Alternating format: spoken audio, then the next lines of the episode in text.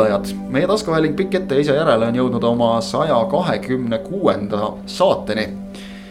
loogika ütleb, et kui oli saja kahekümne viies, peab tulema ka saja kahekümne kuues ja tõepoolest nädal on möödas ning jälle võimalus rääkida jalgpallijuttu. mis hästi see uuesti võib öelda, ehk Äh, miks viitasin saja kahekümne viiendale saatele, avastasime endalegi üllatuseks, et saja kahekümne viienda saate tegime esmakordselt koosseisus. Äh, siis sellises, mis, mis meil seal oli ja, ja saame teha täna uuesti, sellepärast et mõned inimesed on endiselt otsustanud, kes puhata, kes kaugel maal tööd teha, nii et ega midagi, meie räägime jalgpallijuttu, minu nimi endiselt Kristjan Jaak Angur ning endiselt koos minuga siin Rasmus Voolaid tere ja ma arvan, et põhjus on ikka see, et hästi tuli välja, mitte see, et nemad on puudu. ja ei, seda ka muidugi jah, ja Kris Silvet. tere. konkreetne ja loomulikult hästi tuli välja ja, ja loodetavasti tuleb täna ka hästi välja, sest on millest rääkida. on mängitud euromänge jälle, aga kuna see nagu õnneks hakkab kujunema Eesti klubidele selliseks iganädalaseks tavapäraseks tegevuseks, siis me natukene varieerimise huvides äh, alustame täna hoopis äh, sellest, mis äh, sai lõpu reedega ja, ja juhtus reedel suuresti, ehk alustame äh, koduse üleminekuakna sulgumise juttudest äh,. ikka selles mõttes hakkame võtma ka täiesti sellise korraliku jalgpalliriigi mõõtu juba, et, äh, et üleminekuakna viimane päev on ikkagi selline, kus peaaegu igal pool midagi toimub ja, ja meil ka ikkagi toimus tegelikult päris palju ja, ja toimus äh, nii mõnigi üllatav üleminek. mõni comeback isegi, mõni, mõni liikumine suurte klubide vahel, nii et ega, ega muud, kui hakkame otsast minema ja, ja kui hakata sealt nii-öelda ülevalt otsast minema, siis äh, Amir Nathoo kolimine Nõmme Kaljust FCI Levadiasse kahtlemata oli üllatus kas nüüd suur üllatus, äh, kindlasti mitte selles mõttes, et Nato Kaljust lahkus. aga see, et ta liitus just Levadiaga, see nüüd kindlasti tuli veidikene ootamatult. Levadia leerist tuli äh, paar päeva varem, noh, nemad keskendusid euromängule ja loomulikult mingitest üleminekutest siis rääkida ei tahtnud, fookus oli mujal. aga paar päeva varem tuli ka väikeseid signaale, et miskit on toimumas, et äh, tuli see vist ka neile natukene ootamatult, aga kui, kui võimalus avanes kasutati see ära ja tunnistan ausalt, et, et kui, kui nagu mina kuulsin seda, et miskit on toimumas. Ma teadsin ju, et nad Hoole Kalju otsib uut klubi, aga et, et temast võiks jutt käia, ei, ei osanud küll mõelda. selles mõttes see ikkagi oli noh, ütleme väiksemat sorti šokk ja oli, ma tulin äh, neljapäevase euromängult, neljapäevaselt euromängult ära ja nägin staadioni juures nad tood. mõtlesin, et ahaa, ikka veel Eestis ei, ei viinud ka siis üks pluss üks kokku, et mees tuli Levadia mängult praegu ära, et äkki oligi juba nii-öelda põhimõtteliselt Levadia mängijaga tegemist. no ilmselt käis allkirja andmas. võib-olla jah, paber oli käes ka kusjuures. no vot näed, aga ei, sa ei osanud vaadata, eks ole, et, et loož oli tähtsat rahvast täis. aga loož oli teisel pool, ta tuli nii-öelda, kui loož on äh, siis Kristiine keskuse poolt, siis ta tuli teiselt poolt. no aga ikkagi konspiratiivsuse parimad reeglid, et yeah. hea luuraja teab ka, et kui sa nagu väljud äh, sellest vastase staabi uksest, et siis väga nagu ei, ei saa kahtepidi mõista. Aga noh, Nõmme Kaljule on see kahtlemata löök sest et hoolimata sellest, et, et Nato ja Sergei Frantsevi suusad läksid risti, ütleme siis äh, ikkagi ju tegu on väga hea mängumehega, seda ta tõestas eelmisel hooajal. see on loogiline, et Kalju tast vabanes, sest on selge, et vähemalt Frantsevi käe all noh, ta on siin mänginud esiliiga B-s duublis ja, ja, ja mingeid karikamänge veel siin nüüd ka pärast seda. Väidetavat, noh, nimetame seda siis tüliks või, või arvamuste lahknemiseks või milleks iganes, aga. aga noh, on selge, et Frantsev temas põhimeest ei näe Kalju jaoks eh, noh, ütleme kaotus algas juba sellest, kui oli selge, et need kaks meest ühte meeskonda ära ei mahu ilmselt väga. praegu võib isegi öelda ju, et mingit pidi võit, et õnnestus ta eest ilmselt ka midagi saada, tal oli ju Kaljuga kehtiv leping. tasuta teda kindlasti minema ei lastud ja, ja samas koduse konkurendi ridadesse. see nüüd ka ideaalne lahendus kohe kindlasti ei ole. ma arvan, et sellest võitis äh, kõik osapooled aga kõige rohkem ka tegelikult Eesti jalgpall. sellepärast ma kuulsin, et äh, NATO, kui siin äh, Eesti liigas oli natukene pikem paus või nii-öelda, kus mänge nii palju ei toimunud, siis käis ta kodumaal Venemaal ja väidetavalt sealt olid mõned klubid nii-öelda huvi tema vastu tundnud. Aga meie saame öelda, et õnneks nii-öelda asjaks ei läinud ja, ja NATO-sugune mängija, kellel on ju, oleme ju näinud, tal on tohutult klassi, eelmisel hooajal oli ta neliteist väravasöötu vist andis ja et ja kui selline mees Kaljus äh, läbisaamine võib-olla kõige parem ei olnud, aga kui ta jätkab Eesti liigas, siis, siis see on ainult hea. Ja, ja jätkab ka tippklubis, äh, kus, kus on ambitsioonid ja, ja, ja võimalus äh, midagi suurt saavutada ja võib-olla räägiks oma eraldi veel sellest lepingu pikkusest või? jah, kolm aastat, see on ikkagi märkimisväärne. see on märkimisväärne ja aga ma hakkasin mõtlema, et kas näiteks Levadia paneks korraga väljakule Zakaria Beglarišvili ja Amir Nato, kas need, need mehed mahuvad korraga platsile ära?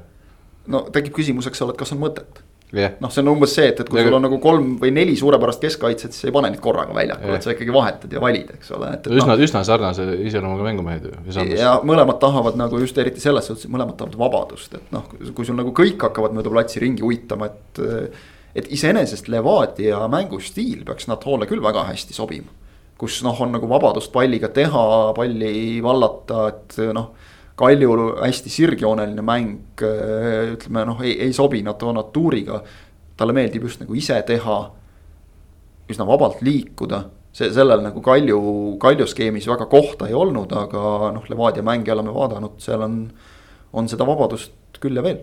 kui sa oled piisavalt tark mängumees, et noh, sa ei kuritarvita seda, aga noh, arvestades, kust kust nad hoo on nagu läbi käinud, mis klubidest. siis, siis tal peaks seda nutti olema piisavalt. Levadial on ju nüüd tegelikult neid keskvälja mehi ka üpris palju, Vašjuk veel, Putintšanin, no Lepistu seal allpool. Antonov võib äh, vajadusel keskväljal olla, aga neid on seal nii palju mehi ja, ja kui hakata mõtlema, et äh, ma ise tabasin end sellelt mõttelt, et, äh, et äkki Bogdan Vašjuk kui Levadiale peaks tulema mingi arvestatav pakkumine, on, on võib-olla lahkumas või noh, praegu on ilmselt seda vara rääkida, aga võib-olla Levadia just mõtles pikas plaanis ette, et kui Vašjuk peaks minema, siis neil on nii-öelda kohe võimalus äh, mängija olemas, keda, kes asemele panna. et kui me mõtleme Levadia müügiartiklitele, siis noh, Vašjuk on seal üks esimesi ilmselgelt. ütleb minu loogika nagu vähemalt piisavalt noor mängija, ennast no ka ikkagi juba ütleme Eesti koondisesse mänginud, mis on ka kvaliteedimärk CV-s vähemalt kohe kindlasti. tema kasuks räägib kindlasti jalgpalliturul see Redingu taust. et ta on, on ikkagi mitte, mitte Eestist, vaid välismaa akadeemiast nagu välja sirgunud jalgpalluriks. tahame või mitte, aga, aga seda vaadatakse. nii et äh, jah, selles mõttes loogiline ja, ja, ja ilmselt see on selline pikas plaanis otsus, noh, mida ütles näiteks Marko Savitš pärast äh, euromängu ka, et äh, okei okay,, me teame, et Levadia minu meelest rääkis ka eelmisel aastal sama juttu ja siis ikkagi vahetati pool meeskonda jälle välja. et väga palju on uusi mehi nüüd hooaja no, teises pooles. kuusteist vist oli see number isegi. neliteist, viisteist või, või äkki on kuusteist, ma ei ole neid ise kokku lugenud, aga noh. ta tõi välja numbri kuusteist jah. Äh, ja NATO-ga koos on ilmselt kuusteist nüüd jah, et, et see, see, see on ikka tegelikult nagu ulmeline number, arvestades, et, et Eesti meeskondade suurused ei ole nüüd ka nagu päris seal kolmekümne ringis, et see on üle poole meeskonnast, et. Äh, äh, noh, kui õnnestub neid kõiki, eks ole, koos hoida ja leitakse, et see on nagu põhjendatud, ütleme siis. siin arvestama ikkagi ennekõike nagu palka ja, ja vastu pakutavat et siis, siis loomulikult see oleks edu võti järgmiseks hooajaks, sest Savitš ütles ka, et noh, et siis järgmisel hooajal. noh, nagu siin Levadia leerist ka, ka visati Dan Tooki peatreenerile mõnusalt, kui ta, kui ta lahkus pressikonverentsilt, et siis järgmisel hooajal meistrite liigas näeme. et see sobiks ilmselt mõlemale osapoolele väga hästi, kui seal uuesti kolmandat korda kokku satutaks. aga, aga just just jah, nagu pikka perspektiivi silmas pidades muidugi kolmeaastane leping ja mõeldes ka selle peale, et ka Natho ise, kui ta hästi mängib. võib olla arvestatav müügiartikkel on, on muidugi loogiline. jah, tulles tagasi selle juurde, et Beglaršvili äh, ja Nato korraga väljakul. no raske seda ette kujutada, kui seal Vašjuk peaks ka veel olema, aga siis tekibki küsimus, et äh, juhul kui mõlemad jäävad nii-öelda kõik mängijad jäävad hooaja lõpuni, siis kas Beglaršvili hakkab olema NATO varumängija või, või NATO hakkab olema Beglaršvili varumees? no esialgu kindlasti see teine variant, sest noh, Nathol räägitud põhjustel see viimase aja mängupraktika on ka natukene napp ja, ja noh, ütleme. ja Beglaršvili on ikka päris oluline roll praegu. jah, ja, ja, ja no noh, Beglaršvili sellise võrdlemisi emotsionaalse mängijana, noh kujutate nüüd ette, kui ta istutatakse nüüd pingile. jah, sa oled praegu liiga parim väravakütt, aga nüüd sa istud. jah, puhka jalga ja annad sööte jälle siin igas mängus ja, ja, ja eilegi tal tuli ju Narva Transi vastu üks väravasööt, vähemalt üks hokisööt nii-öelda, et, et noh, siin okei okay,, me võime ju rääkida sellest, et väravate number on nagu penaltitest tulnud, aga isegi kui sa need penaltid maha lahutad ja siis vaatad, paned nagu väravad ja söödud kokku, siis.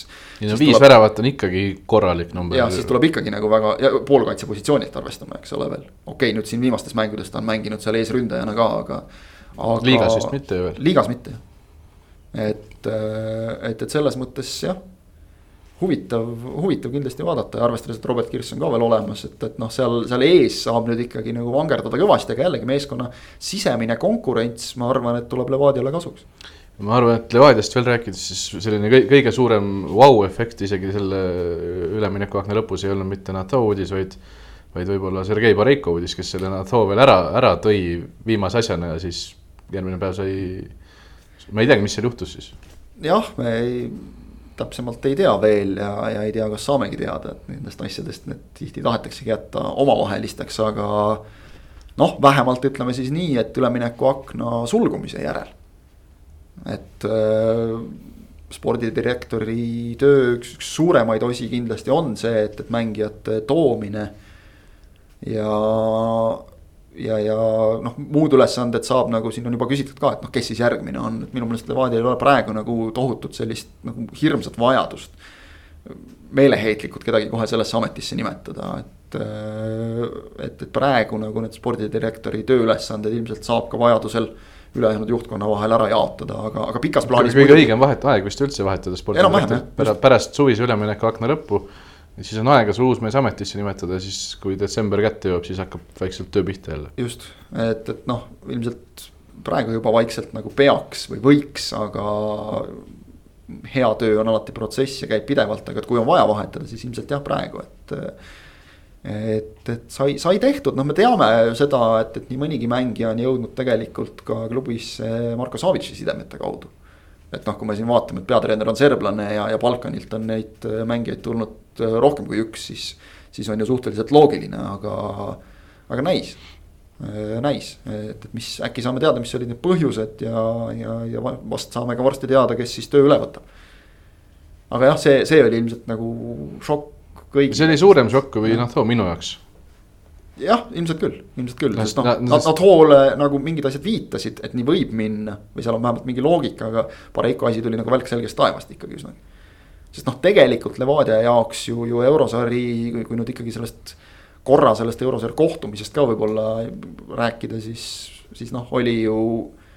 oli ju selles mõttes edukas, et nad said vähemalt esimesest ringist edasi, et, et, et natukene ikkagi klubi rahakotti õnnestus jällegi, jällegi täiendada. Ja läheme tegelikult nende mängude juurde, juurde natukene hiljem, vaatame korraks veel siin teisi klubisid ka, et noh Levadia oli siis ainukene, kes sellel viimasel päeval veel, veel, veel täiendas ja pakkus siis veel uudisega pärast akna sulgumist.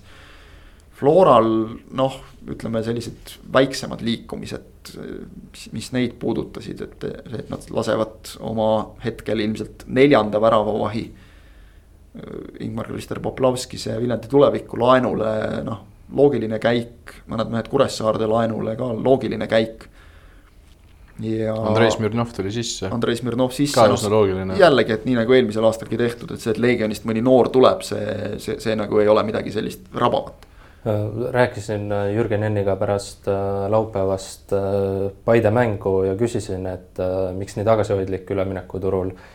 ta andis mõista, et ta tegelikult nagu oleks tahtnud meeskonda tugevdada, aga, aga ütles mulle ka, et tema ei ole õige inimene, kes, kellelt seda küsida, ehk et äh, mingisugused soovid äh, Floral oli, aga kas siis äh, ei saadud vajalikke mängijaid kätte või, või olid mingid muud takistused? no näita mulle peatreenerit, kes ei tahaks endale häid mängijaid juurde, eks ole, et, et see arvestades, et Floral ikkagi Euroopas nüüd äh, Nicosia Omoniaga mängud ja siis kindlasti vähemalt üks.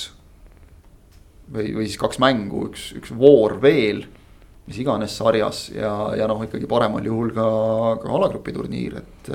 alagrupi turniir. oleks ikka hädasti vaja tegelikult, aga noh, sellest me oleme rääkinud juba. pärast loosi, olgu siis praegu kohe ära mainitud, meie nii-öelda jälgisimegi podcast'i ajal veel loosi ka, me saime teada just, et Flora.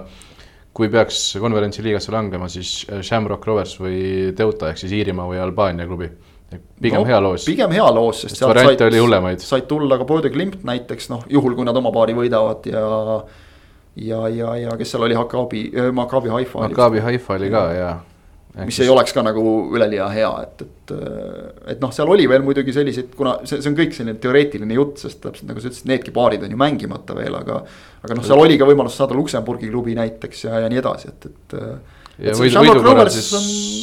okei okay,. ja, ja võidu korral oleks siis äh, Antwerpen Äh, kui peaks äh, Omoniat võitma, ehk siis äh, play-off'is, Euroopa liiga play-off'is grupi peal oleks Antwerpen. ehk siis. mis, mis on ka selline enam-vähem nagu ma arvan. et noh, ja, ja noh, Belgia meeskonnaga mängida, jääd seal mõnele Belgia satsile silma, nii ta läheb vaikselt. Rauno Sappinen saaks uuesti Belgias proovida. jah no seal oli ka, seal oli ka halvemaid variante ka, Fenerbahce't näiteks või, või midagi sihukest ei noh, selles mõttes, et ega sa seal Euroopa liigas nagu kerget vastast play-off'is ei saa ju enam oodata, et, et selles plaanis ikkagi pigem nagu nii see. okei okay,, tingimuste poolest on see Nicosia Ommonia kindlasti nagu keeruline vastane, aga, aga, aga mänguliselt noh, et seal nagu eeldada, et, et me nüüd saame sealt mingisugused naljavennad vastu, noh, ei olegi ju mõtet, et kui sa tahadki nagu, kui tahad jõuda alagruppi, siis noh, seal võiks ju ka midagi ära teha, et siis tulebki mängida kõvade vastastega. ma loodan, et inimesed ei võta, et Küpros, et nüüd me läheme kindlasti peaks Floranist jagu saama, ma loodan, et tõesti kuulajad ka, et eh, tõenäoliselt on tegemist kõvema vastasega, kui Varssavi Leegia oli. Omonia näol, et ärme mingisugust sellist survet nüüd Florale peale pane ei, seda muidugi jah, aga noh, lihtsalt vaadates, kes seal olid, nagu sa ütlesid, Fenerbahce'd ja asjad, kui on juba loosis sees, eks ole, ja, ja Ansett Alkmaarid, et noh, siis. siis on nagu ikkagi pigem, pigem läinud hästi aga jutt oli Flora koosseisust üleminekust seda küll jah suures plaanis tegelikult noh, kui Flora peaks kaugele minema, siis oleks natukene lisajõudu vaja, aga no praegu ei saadud ja tegelikult ei ole ka midagi väga hullust ju. kui ei tule vigastusi, siis selle satsiga kannatab minna, aga, aga loodetavasti ei tule. ja Alliku peaks äh, ka augusti teises pooles tagasi olema, pidi nüüd selle nädala jooksul, selle nädala lõpus vist hakkama vaikselt esindusega treenima ka.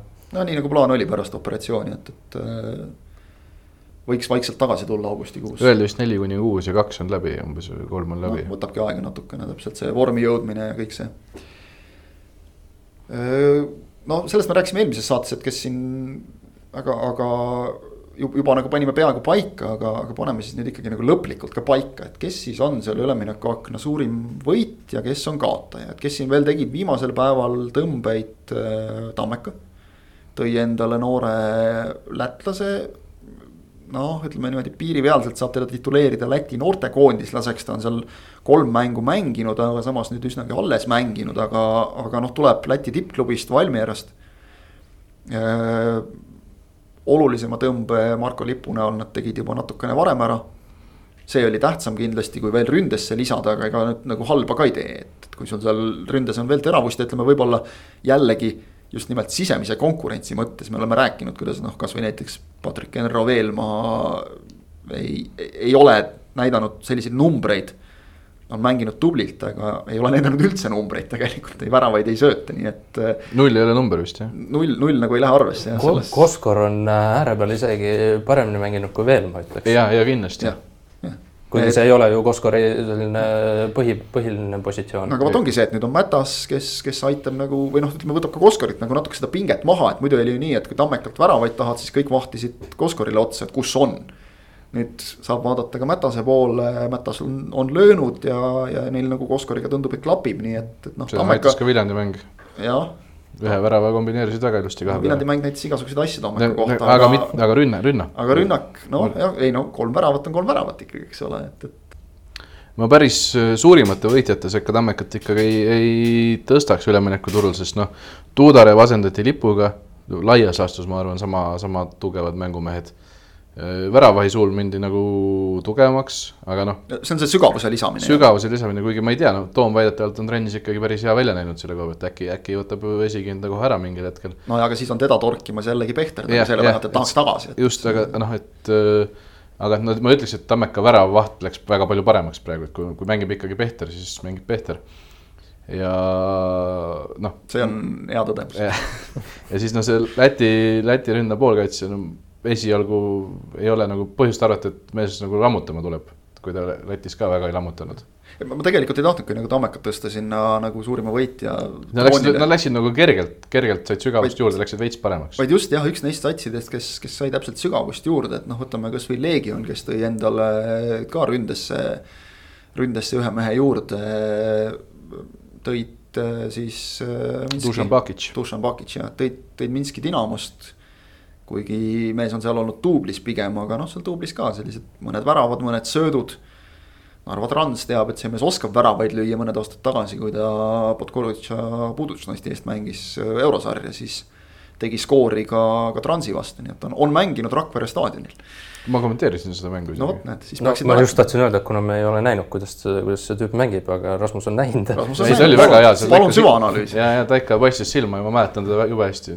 aga raske öelda, kas Leegion läks tugevamaks või, või, või. ei no nõrgemaks ka ei läinud. nõrgemaks ka ei läinud, ainus lahkuja neil oli, oli Kuussepp okei okay,, Smirnov läks äh, Florasse ka siis laenu. jah, aga. kurat, Pakic lõi Podgoritšis ära või, mitte Rakveres. jah, et see, no siis sa mäletaksid kindlasti. jaa, muidugi mäletaks. Raudselt, aga äh, täpselt jah, vot selliseid noh, nagu väikseid tõmbeid natuke siia-sinna. noh, ega Nato lisamine tegelikult ka nimekas mängumees, aga see ei olnud nüüd selline, et, et meil a la, et meil ei olnud ründajat, nüüd me tõime ründaja või et meil ei olnud väravavahti, nüüd me tõime, et, et noh, ütleme, kui Tammekal oleks näiteks noh, poleks olnud nagu head kindlat esikinnast. siis oleks olnud võib-olla oluline see, see, see Toomi toomine või, või samamoodi ütleme Poplavskis Viljandisse. Noh, samamoodi Viljandi tulevik minu meelest samamoodi natuke siia, natuke sinna aga jällegi oluline see, et see sisemine konkurents tekiks, sest et noh, nii mõnelgi satsil tegelikult siin oli. hooaja esimeses pooles, noh, sa võid algkoosseisu suures osas paika panna enne mängu, et sa tead, et noh, seal ei ole teist varianti selle positsiooni peal. et, et sellised, sellised tõmbed pigem ka sellel viimasel päeval ju, ju tegelikult ja noh, Kuressaare puhul näiteks me Möölist juba rääkisime see, see jällegi. ei saa öelda, et neil ei oleks olnud keskpoolikut ja nüüd toodi, aga ja. seal nad ikkagi noh, said samm, aste kõrgemal mängumehe asemele kui, kui seniste meestega võrreldes. et ütleme siis niimoodi, et viimase päeva noh, nagu suurima tõmbe vist tegi ikkagi Levadia NATO näol. aga akna lõikes, minu meelest me jõudsime eelmises saates juba selleni, et äh, vist ikka Kuressaarele võib selle tiitli nagu ära anda, et akna suurim võitja just, just suuresti Mööli arvelt, et. mees, kes meeskonna, kes suudab nagu üksinda meeskonna kvaliteeti võib-olla kõige rohkem tõsta meil on jah traditsiooniliselt selline mängija, kes teeb nagu kaaslaseid ka paremaks. kuigi võib-olla Natole tagantjärele hakkab ikkagi Peeter Klein ka konkurentsi pakkuma. no ei kujuta ette, mis vormis see mees on, kui ta aasta aega üle, üle aasta pole jalgpalli mänginud, aga kui ta on selline oma parimate kaljupäevade tasemel Peeter Klein, siis äh, tast võib päris palju kasu olla Kuressaarele. ja Kuressaarel jällegi, et noh, oli Männilaan, kes, kes pidi lööma mingil hetkel ju, ju võis ka nagu aru saada, et noh, Sander Lahe õlgadel on natuke võib-olla liiga suur koorem, et ta peaks nagu ise looma ja ise lööma ka veel. aga Männil, Männil on ka vahepeal eemal oli, aga nüüd neil on Männilaan, nüüd neil on Otto Robert Lipp praegu tagasi, eks ole, noh, Lipult ei saa ka väga palju nõuda, vigastused on, on teda ikkagi räsinud kõvasti siin. ka sel hooajal, aga, aga nüüd on Klein, noh, hakkab nagu vaikselt pilti looma, et just Kuressaarel oli ka vahepeal see probleem, et, et kui nende see kaarte toov mängustiil natukene mõjutas, on mõjutanud oluliselt vähem kui eelmisel aastal, eks nad said ise ka aru, et, et noh, see, see, see oli probleem juba. seal oli ju ka mänge, kus oli umbes, ma ei tea, neli meest oli väljas vist, eks ole, et, et noh, nii ei saa rallit sõita väga. aga, aga just jällegi see sügavus, mida nad, mida nad vajasid, seda, seda nad on nüüd kõvasti saanud ja, ja, ja noh, jällegi. treeningprotsess läheb kvaliteetsemaks, mida rohkem häid mehi sul on no kasvõi see näiteks, ärme unustame, et Mööl ju on profimängija. Ta tegeleb suuresti nagu ainult jalgpalliga, kui me isegi selle treeneri töö nagu sinna kõrvale paneme, aga. aga ta, tema fookus on jalgpallil ikkagi. väga paljud Kuressaare mängijad ikkagi ju käivad üheksast viieni tööl ja, ja siis mängivad jalgpalli. et noh, kasvõi selle koha pealt juba nagu annab see kindlasti palju-palju juurde. päris pahal hetkel mängis Kuressaare Pärnuga, et veel ei olnud Mööli, veel ei olnud Kleini. nüüd nad saavad nad kätte ja järgmised mängud on Levadia ja Flora. ja siis selle Pärnu, Pärnu nii-öelda otsesele rivaali, otsesele rivaalile kaotasid, aga sorry no,, aga... sorry, Kris, ma ei tahtnud seda meenutust nagu tuua. las ta olla, pärast räägime äkki või halvad asjad lähevad meelest ka kiiresti. et aga noh, ei, Möölil hea võimalus siis kohe ju ikkagi. nagu Paide mängijana panna panna ära siis Kuressaarega. siis saab selle. Florale ja, ja Levadiale. siis saab selle kümnepunktilise vahe liidritega ka väiksemaks Paide. eks ole, kohe lihtne, saab, saab nagu jah, ilusti aidata kahte satsi korraga, see on ju kõva sõna. Paidel endal tuleb lihtsalt töö ära teha, ei muud. aga kui me nüüd Flora ja Levadia ikkagi euromängudest ka räägime, et noh, see Flora kaotusest Leegiale on juba, juba nii palju möödas, peaaegu nädal aega, aga kripeldab ikka kripeldab see Sergei Zenjovi värav, mis talt täiesti ebaõiglaselt ära võeti ja ei olegi midagi öelda, lihtsalt tegelikult kohtunikud eksisid. juhtub, aga noh, juhtus halvimal võimalikul moel. Zenjov lööb palli väravasse, see ei loe, suluseis, mida ei ole tegelikult. Leegia tuleb vastu, lööb ise ja noh, tehtud tegelikult, see võttis Floral ikkagi, noh, tegelikult võttis masti nii maha. et äh, sel hetkel oli siis vaja juba kahte väravat aega, mõnikümmend minutit natuke peale prooviti ju küll ja, ja otsiti, aga, aga noh, see, mida see võttis vaimses plaanis Floralt ja andis Leegiale. See oli nii suur, et vot seda tasakaalu, enam tasakaalu ei saadud lõpuviljani. Henn võttis selle olukorra pressikonverentsil ilusti kokku, ütles, et tema arvates suluseisu ei olnud, ei olnudki, aga see värav, Senjovi värav oleks mängu, mängu iseloomu tohutult muutunud, muutnud, sellepärast et Flora oleks saanud siis üks-null eduseisu normaalaja lõpuni ole, oleks jäänud umbes kakskümmend viis minutit mm. Ehk et äh, aga kuna nad jäid kohe pärast seda jäid null-üks kaotusseisu, siis tuli hakata ründama, siis tuli, tuli kohe väljakule äh, noh, kes tuli väljakule, Reinkord tuli väljakule jah, ja, ja pidid kohe ründama hakkama, aga selge see, et kakskümmend viis minutit oleks vaja olnud äh, vähemalt üks-null peal vastu pidada ja oleks, oleks lisaaeg tulnud. just, et see oleks ju tähendanud seda, et Leegia oleks vajanud väravat, mis oleks omakorda. andnud Florale võimaluse võib-olla isegi teise löömiseks. mängida kontra peale ja, ja, ja, ja noh, oleks jah, see oleks mängu muutnud tohutult. just, kui Enni, Enni kommentaari tõid välja, siis Ojamaa ka kõrvalt ju ütles veel selle ka väga hästi ära, et. Floral oli just niisugune kümme-viisteist nende mängu parim periood, mille nii-öelda kirsiks tordil oleks see värav tulnud. see võeti ära muidugi Flora ei saa ka niimoodi jalga sirgeks lasta, et nüüd oli üks eksimus, meile tehti liiga, et nüüd me oleme nagu solvunud ja tuleb edasi mängida. ei no nad, kusjuures tegelikult ega nad ju ei lasknud, nad mängisidki, aga no see on ju paratamatu, et see, kui, kui see iga mehe nagu motivatsiooni tõmbab sul seal mõni protsent alla, siis paneme Ega. selle meeskonna peale kokku ja, ja, ja noh, ongi, ongi nagu see, see, isegi ei... mitte motivatsiooni alla, see ei ole õige sõna, see oleks, see oleks nagu mängijate suhtes ebaõiglane, aga, aga no, no see on pauk lihtsalt. aga see no... ei õigusta ikkagi seda, et nad väga kiirelt ka vastu lasid, seda ei oleks tohtinud juhtuda, aga sellist... ikkagi, ikkagi see kohtuniku eksimus, see sööb siiamaani nädala. eriti sellist väravat, nagu nad lasid, et noh, see oli, see oli nagu natuke rumalalt lastud, aga no mis teha mängijad ju tegelikult ise mängu ajal ei teadnud, et see, et see ei olnud suluseis nemad pidid ju edasi mängima, et kohtunik tegi õige otsuse, okei okay,, suluseis, värav ei lugenud null-null, mängime nüüd edasi. Nemad ju ei teadnud, et kohtunikud eksisid. vaata, pigem on siin see emotsioon lihtsalt, et noh, lõime mm, -hmm. rõõmustasime, võeti ära. sellest tuleb kohe mingi pingelangus, siis saame kohe sisse ja, ja noh, nii ta läheb. aga suures plaanis ikkagi kuigi sa siin ka nimetasid justkui läbi lillede Leegiat võib-olla mitte nii kõvaks ja ega nad ei olnudki nagu nii kõvad, nagu me arvasime, et kas nüüd põhjus oli. oli selles, et, et nende nimi on suurem kui kui teod viimasel ajal. kuule, seda ei taha ka öelda, nad olid, nagu viimase viie aastaga umbes mingi kolmes või neljas grupis olnud ja kaasa arvatud meistrite no, liigas. ja siis saanud seal. no aga neil olid Real ja Dortmund ja Sporting vist olid okay, no, seal ei ole seal... kuus kaotust nagu häbiasi. Nad läksid seal Dortmundi ja Reali vastu ka hirmsa hurraaga peale ja said kaheksa tükki tuppa, et. oli nii lõusav seal oli ju suuri kaotusi neil, seal oli vist kas mingid kaks kaheksad ja, ja mingid sellised asjad Rasmus, kui sa eelmises saates ütlesid, et äh, Flora oli, oli avamängus äh, parem meeskond ja ma vaidlesin veidi vastu. esimesel tunnil, esimesel tunnil ainult. okei okay,, esimesel tunnil ja vaidlesin äh, sulle vastu veidi, aga siis äh, siin kordusmängus A Le Coq Arena'l Flora oli parem meeskond. seda küll jah, seda võib öelda ja seda võib tõesti öelda, et, et ärme siin, ei, pole meie asi, kui hästi halvasti see Leegia mängis või kui kaugel neil see hooaja algus on, aga, aga Flora oli hea ja Flora oli tubli ja seda rohkem on kahju sellest, et, et noh, niimoodi ära võetakse. et kui sa noh, nagu mängid ja võitled, võtame selle Eintrachti mängu näiteks, et noh. vastane oli natuke parem, Flora mängis oma maksimumi välja, vastane oli üle. mis seal ikka, lähed platsilt ära, pea püsti, õnneks on nüüd see, et, et Floral on, on see Euroopa liiga ja, ja noh, siis. noh, sellele ei tohi muidugi mõelda, aga et, et isegi kui seal kaotad, on veel üks võimalus kuule, ma vaatan aga... praegu, et nad grupis isegi jäid kolmandaks ja võitsid Sportingut ja viigistasid Realiga. ei, noh, muidugi nad on kõva sats, aga, aga siin vahepeal nad ka jälle. Dortmundiga null kuus ja neli kaheksa, tõsi. no vot, et vahepeal nad jälle olid siin ka Poolas, noh, mitte nagu nii tipus, et, et natukene said seal jälle fännidelt puid ja nii edasi aga Omoniale nad eelmine aasta kaotasid. Poola fännid muidugi on omaette seltskond, et, et sellest sellest, mida nemad siin korraldasid, sellest võiks ka pikki jutte rääkida, ütleme, et need, need inimesed, kelle asi oli korda valvata staadionil. Neil oli täis tööpäev ikkagi, et, et see, mismoodi osatakse, noh, tullakse ikkagi täiesti nagu selgelt provotseerima.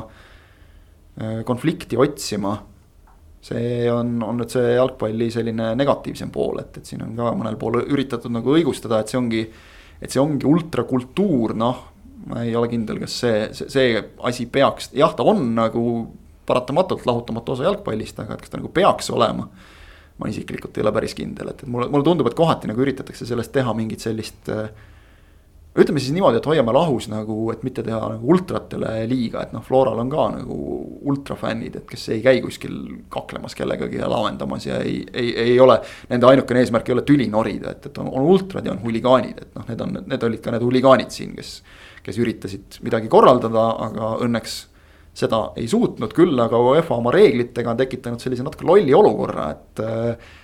klubi teab, et tribüünile nad ei pääse või ei tohiks pääseda, osad muidugi pääsesid, äh, kes kuidas. ja, ja kui nad oleksid tribüünil, siis oleks klubil oluliselt lihtsam noh nagu valmistuda nende ohjamiseks, teha vastav turvaplaan, kõik, kõik muud asjad. nüüd sa nagu noh, nad võivad tulla, ei pruugi tulla, lõpuks nad ikkagi tulid vist umbes mitmesajakesi ja, ja, ja siis neid nagu kuskil siin staadioni ümbruses kuidagi ohjata, see on oluliselt keerulisem. sest noh, nad ei ole sul nii-öelda kindlas kohas, muidu nad on mängu ajal vähemalt tribüünil, sa tead. paned selle sektori kinni, seal nad on ja, ja seal sa saad neid kuidagi kontrollida. ehk tegelikult noh, see, ma saan aru, miks UEFA-lt sellised otsused on tehtud. et võõrsil fänne ei, ei lasta mängudele. koroona on koroona, eks ole, aga, aga samas see tekitab nagu jälle selliseid väga lolle, ebameeldivaid olukordi ja ütleme, et oleme õnnelikud, et. et siin Eestis nagu kergelt möödus see Leegial endal pidi olema isegi vist niimoodi, et neil ka ei lasta võõrsil fänne tribüünid, aga nad ise lasevad. ja neil ongi eelarvest sisse pandud iga mängu peale mingisugune nii-öelda trahviraha. päriselt ongi. ei, ei muidugi noh. ja, las tulevad, las tekitavad atmosfääri, see on ju tore. vaata, see ongi nüüd see, et, et kus lõpeb nagu see atmosfääri tekitamine ja kus algab see, mida oli ka Tallinnas siin, kus noh pere, perega mängule tulnud inimesi nagu üritatakse kaklema provotseerida, et, et seda, seda juhtus väljaspool staadionit, seda juhtus kuuldavasti seespool. ja vot see on nüüd asi, noh, kus ikkagi minu jaoks jookseb piir, et, et see, see ei ole nagu kuskilt otsast okei okay.. seda me nägime ka EM-finaalis, mida inglased korraldasid ja see oli noh, see ei ole jalgpalli fännlus, see on ju kriminaal, kriminaalne lihtsalt. kusjuures tegelikult ega nende inimeste jaoks tihtipeale see jalgpall ongi nagu täiesti teisejärguline. ettekääne lihtsalt. ettekääne ja et saaks, saaks lüüa nagu ja kakelda, et, et noh, siis palun kakelge kuskil linna taga metsas see on neil juba. omavahel, mida nad ka teevad. eluviis on see neil juba selline. no vot ongi eluviis jaa, aga noh, tundub kõrvalt nagu suhteliselt nõme eluviis minge raamatukokku või midagi. jah, just ja seal. mitte kaklema. jah, olge seal rahulikult, ärge seal kakelge. aga Levadia mängu juurde tõesti tulles, nagu me ka lubasime enne, siis, siis noh. vot Levadia puhul oli nüüd ka see teema, et, et kas äh, ikka jälle kohtunik jälle röövis siin kolme päeva jooksul teist korda. sest tõepoolest Levadiale jäeti teisel poolajal andmata üsna selge penalti. kui Tandoki kaitsjad senderduse karistusalas käega pareeris. noh, see vist kohtuniku vaatepunkti meie ei tea ja ei näe, aga neid telekordusi vaadates vist läheb sinna kategooriasse, et päris täpselt ei näinud ja siis on reegel, et ära anna. juhtus ta sellises väljaku nurgas, kust joonekohtunikud on ka noh, maksimaalselt kaugel. üks kaugema joone taga, teine keskjoone juures, neljas kohtunik ei näe ka sealt eriti. peakohtunikul võib-olla mängija keha varjas natukene selle olukorra nägemist ja, ja noh. Kaameranurk on mugav, aga seda kaameranurka kohtunikul ei ole, sest varri meil ei ole Lillekülas veel ja ei ole nendes eelringides, polegi midagi teha see on, see on see, nagu ütleme kõikidele varrivastastele, see on nüüd see vana hea jalgpall, et äh, nii, nii see Flora suluseisu olukord kui ka. kui ka Levadiale andmata penalti, et äh,. Flora suluseisust eristab see seda. nagu vanasti. see, et Flora suluseis oli fakt ja see oli nagu käemäng ei ole noh, nii ilmselge fakt, vaid on kohtuniku hinnata ja Varri kohta. peale selle veel Flora nagu siiski reaalselt lõi palli väravasse, et, et Levadia oleks saanud penalti, mis noh, kui sul on Beglarashvili no, ikkagi. üheksakümmend viis prossa ikkagi on. on üheksakümmend, üheksakümmend viis protsenti värav, aga, aga mitte sada protsenti. Floral oli sajaprotsendiline värav. oli see ikka veel väljakul ka või, ta võeti mm, päris. see oli minu meelest üsnagi teise poole alguse siis poole, et ta veel, veel oli seal. kuuekümnega midagi tuli ära. no seal on veel mehi, kes löövad sisse küll, kui vaja on. ja Varriga on eelringides see, et kui ei ole ühel staadionil siis ei ole ühelgi staadionil. et ei ole niimoodi, et Tallinnas ei ole ja Soomes samal ajal konver-, konverentsiliigas on varr. et äh, kuskil ei oleks olnud varri. ja et noh, erinevalt kuskil meenub Inglismaa karikasarjas, kus, kus näiteks mängiti kuidagi nii, et Prem. Premi staadionitel on. kõige kurioossem asi minu meelest oli see, et, et vist kas mängiti mäng Swansea kodu, koduväljakul, kuna Swansea oli varri kasutuselevõtu ajal Premier League'is, siis Swansil on see varrsüsteem olemas, aga kuna otsustati, et seda kasutatakse ainult kõrgliiga klubide staadionitel. siis seal ei kasutatud ja otse loomulikult oli üks olukord, kus varri oleks hädasti vaja olnud. kõik asjad on üleval, aga ei pane täna tööle. et noh, see oleks veel totram, aga, aga noh on nagu on ja, ja ega midagi, meie siin Eestis oleme veel, veel harjunud sellega, et ilma varrita tuleb leppida, aga me ei saa muidugi üle ega ümber ka sellest, et äh, esimesel poolajal tegelikult noh seda on siin ka Eesti paremad kohtunikud juba omavahel öelnud, et tegelikult oli punane kaart. mis jäi andmata Levadia uuele keskkaitsjale Milan Mitrovitšile, kes võttis vastaste rünnaku karistusala joonel maha ja. ja kogu see Dandoki pink, mis, mis oli siis tribüünil ja mis on, on euromängudes oluliselt suurem Äh, juba varumeeste arvult ja neil oli igasuguseid asjapulki ka hästi palju kaasas, et, et nad tahtsid ikka peaaegu väljakule minna juba. et no ja, ja tagantjärgi tuleb aru saada sellest, et tõesti karistusala joone taga täpselt. aga mees oleks läinud värava peale ja see oli selline ilmselge värava võimaluse ärahoidmine, Islandi kohtunik andis kollase Mitrovitšile. aga oleks see olnud punane esimesel poolajal, noh siis siis ei oleks võib-olla nagu millestki rääkida, kuigi võib-olla paljud ütleksid ka, et tehti liiga aga noh, kokkuvõttes ei olegi millestki rääkida selle tõttu, et kui sa annad sellise söödu. nagu andis Marko Putintšanin üheksakümmend pluss minutitel ja sealt sul ära lüüakse. noh, polegi midagi parata. Levadia jäi tegelikult ju, kui vaadata, teame, et on suured valed, väiksed valed ja statistika, aga kõiges jäi alla. palli valdamises, mis on, nagu nad on ise öelnud, nende trump, et noh, kui see on, siis on, on eduks lootust. pealelöökides selgelt raami läinud kahekordselt, kuus, kaksteist olid vist pealelöögid. raami läinud löökides, mis olid vist kaks-viis Levadia poolt vaadates, kui mälu ei peta. peale selle veel ühe korra lõid Dandoki mehed latti, väga ohtliku kauglöögi. ehk siis noh, jah, Ernest Tadžirilt ilus värav. aga kokkuvõttes ikkagi Dandok korduskohtumises mängis Levadia üle. võib vist öelda. kuradi karm lõpp oli ikka no kolmandat aastat selline. kolmandat aastat järjest äh, tõesti, üle-eelmine oli siis Stjarnaniga oli vist lisaaja viimasel minutil või? jah, siis löödi ka, see oli vist sada kakskümmend pluss kaks, see oli Tallinnas ja. ja siis löödi värav, kusjuures, mis siis võõrsil löödud väravate reegliga viis, viis Stjarnani edasi. ja eelmine aasta oli Fääride lisa, lisaajal, kus nad olid lisaajal ees veel. lisaajal läksid ise ette ja siis lasid kaks vastu vist. just. ja nüüd siis niimoodi, et no see näitab midagi see näitab mingisugust vaimset, vaimset plokki, mida oli lootust, et äkki selle esimese satsi alistamisega läheb nagu, tuleb see, läheb seal, seal nagu paremaks. võib-olla läks natuke paremaks, arvestades, nad läksid juba Iirimaal läksid esimesel minutil juhtima, äkki millestki said jagu, aga mingisugune asi on seal veel ikkagi ees. suures plaanis ikkagi võrdsed meeskonnad enam-vähem mängisid ja nagu jalgpalli klišee on, et väiksed detailid otsustasid ja praegu oli see väike detail sai saatuslikuks Levadiale ja, ja nii valusal hetkel jah, kes vähem vigu teeb, see, see võidab tihtipeale sellised mängud ja, ja Levadial neid vigu tuli ikkagi palju, et. et Andok juhtis ju. äkki Sergei Boreiko sai sellepärast kinga, et ta tõi sellise mehe? mõtlesin korraks, aga see oleks nüüd küll nagu natuke ülekohtune, et, et ega tema seda vale söötu ei andnud. ei, nojah, jah, Putinšani mängis ju edasi üheksakümmend Narvas ka, et et seal ikkagi ei, ei, ei mindud äh, riietusruumis risti lööma teda meest. muidu oleks tema ka pandud kohe siit lennuki peale ja oleks olnud minek, et, et aga jah, Tandok juhtis siis vist palju neid üleminuteid anti pärast äh, värava löömist, et. nii palju kogu saja kaheksakümne minuti kahe mängu jooksul juhtiski, jah? täpselt. Levadia oli, kolm korda läks juhtima, Levadia. jah, üheksakümne minutiga ei läinud veel juhtima, saja kaheksakümne minutiga ei läinud äh, Tandok juhtima. aga siis need, seal tuli vist kolm minutit äkki veel otsa umbes või kolm-neli, kus Levadial olid mingid pool võimalused, et aga, aga see, see oli kõik ja sellest piisas. tasa ja targu. Ja, ja, ja lähevad mängivad hollandlastega ja, ja Levadia jaoks on kõik, et äh, noh, hädasti olnuks vaja ikkagi, ikka väga hädasti ja ärme seda rahalist poolt ka kõrvale jätame, et, et võib-olla. Flora eduga kaasnev suurim noh, miinus teiste jaoks on see, et et kui, kui Eestis ükskõik milline klubi, on see Flora, on, on see ükskõik kes. ütleme, et äh, eurosarja alagrupi turniir äh, toob sisse juba seitsmekohalised summad. mitte enam kuuekohalised nagu praegu. ja need kuuekohalised on juba sealt, neid on sealt juba korjatud ja, ja see esimene number ei ole üks ega kaks ega noh, kolm isegi mitte, vaid. vaid kasvab juba oluliselt suuremaks.